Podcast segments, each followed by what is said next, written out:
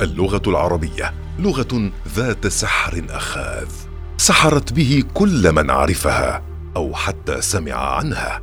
سحر العربية مع إبراهيم العجمي. أهلا بكم أعزائنا في حلقة جديدة من حلقات برنامج سحر العربية. لنبحر فيها مع شخصيه حبت اللغة العربية وعشقتها قلبا وعقلا وسلوكا. في هذه الحلقة من برنامج سحر العربية. مستمعينا نستضيف فيها الأستاذة زكية بنت محمد اليعربية التي ذكرت أن في علاقتها مع العربية مدينة لوالدها الذي كانت تستمع له وهو يقرأ القرآن وهو يبكي ما دفعها للتقرب من القرآن الذي ربطها باللغة وكما كان للبرامج والمسلسلات التلفزيونية التي كانت لغتها تسحرها وتشدها ومن ثم دور الشعر المتنبي في نفسها. فيما يتعلق بحبي للغة العربية وبدايتي معها فإنني مدينة لوالدي رحمه الله في ذلك إذ تعود بي الذاكرة إلى مشهد ظل راسخا في وجداني وأنا طفلة إذ كنت أستمع إليه وهو يتلو كتاب الله فتستوقفه الآية من القرآن ويقف عندها طويلا وقفة المتأمل باكيا كنت حينها أتساءل ترى ما الذي أبكى والدي؟ أيعقل أن يبكي والدي؟ ذلك الرجل المهيب الوقور فأقبلت على كتاب الله أقرأه ولم أدرك حينها أنني في عملية البحث تلك وقعت أسيرة حب للغة العربية فقد تغلغلت في حنايا روحي فهمت بها شغفا ووجدتني أحب كل ما يقربني إلى هذه اللغة. ومما زاد حصيلتي اللغوية آه، متابعتي لبعض البرامج والمسلسلات التاريخية القديمة في مرحلة من مراحل حياتي التي كان يتحدث أبطالها الفصحى وكانت حقيقة تؤدي مفعول السحر في نفسي حيث كانت تجمع بين جودة المضمون وجمال اللغة العربية. وكنت حينما أستمع إليهم أتوق لأن أتحدث الفصحى مثلهم. كذلك شغفي بالشعر فقد كنت أقرأ كثيرا لأبي الطيب المتنبي. هذا الشاعر الذي يحتل مكانة خاصة لدي. ففي أشعاره يتجلى سحر خاص للعربية. تراه يقول في إحدى روائعه بئب الشموس الجانحات غواربا اللابسات من الحرير جلاببا المنهبات قلوبنا وعقولنا وجناتهن الناهبات الناهبا. إلى أن يقول كيف الرجاء من الخطوب تخلصا؟ من بعد ما أنشبن في مخالبا أوحدنني ووجدن حزنا واحدا متناهيا فجعلنه لي صاحبا ونصبنني غرض الرماة تصيبني محن أشد من السيوف مضاربا. أضمتني الدنيا فلما جئتها مستسقيا مطرت علي مصائبا. في دراستها الجامعية روت اليعربية موقفا حدث لها بعد دخولها للجامعة. أثر في نفسها ودفعها لتغيير تخصصها من التاريخ إلى اللغة العربية شاكرة أحد الأساتذة الذي كان له الفضل في إعادة نظرها للشعر العربي. في دراستي الجامعية آه، أنا كنت أطمح في دراسة التاريخ وهذا لم يتأتى لي و حدث أن تخصصت في مجال اللغة العربية. وفي البداية كنت مترددة بعض الشيء.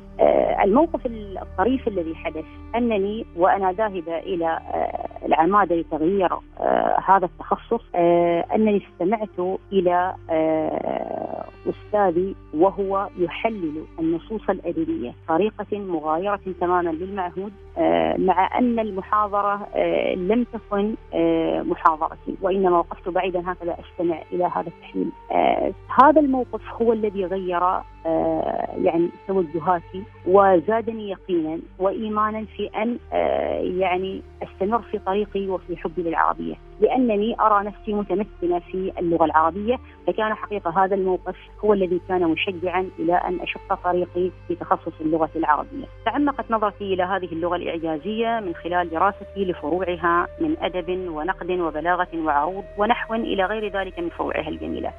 وهنا لا يفوتني. أن أتوجه بخالص شكري وامتناني لأستاذي الأستاذ الدكتور والناقد العربي أحمد الطريسي الذي كان له الفضل الكبير في إعادة نظرتي لقراءة الشعر العربي. كان يقول دائما الشعر المبدع لا يقف عند حدود ألفاظها السطحية ولغته الظاهرة بل يأخذك بعيدا لتحلق في آفاق أرحب لتكتشف رؤية الشاعر. فإياك أن تستسلم للقراءة الأولى. وقد قمت بتطبيق هذه المنهجية على بعض قصائد المنهاج المدرسي بتحليلي لقصيدة شاعرنا العماني الشيخ أبي مسلم البهلاني رحمه الله والمعنونة في الشوق والحنين إلى عمان والتي مطلعها تلك البوارق حادهن نرنان فما لطرفك يا ذا الشيء يسنان؟ فخرجت من خلالها بقراءة مغايرة لما هو مطروح في الكتاب المدرسي بعدها اتجهت الأستاذة زكية للحديث عن الفصاحة العمانية وما تميز به العمانيون من لغة عربية بليغة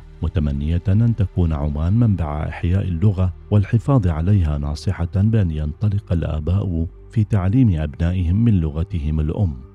وما زاد تعلقي بلغتي العربية أنها ارتبطت عندي بالفصاحة العمانية تلك الفصاحة التي زادت من هيبة العماني وتفرده بين سائر العرب عبر التاريخ. ولله در أرباب الفصاحة والبيان من أهل عمان كصعصع بن صوحان وصحار بن عياش ومصقلة بن رقبة وكرب بن مصقلة. ومما يذكر في هذا المقام أن الأصمعي عالم اللغة التقى بأعرابي من أهل عمان.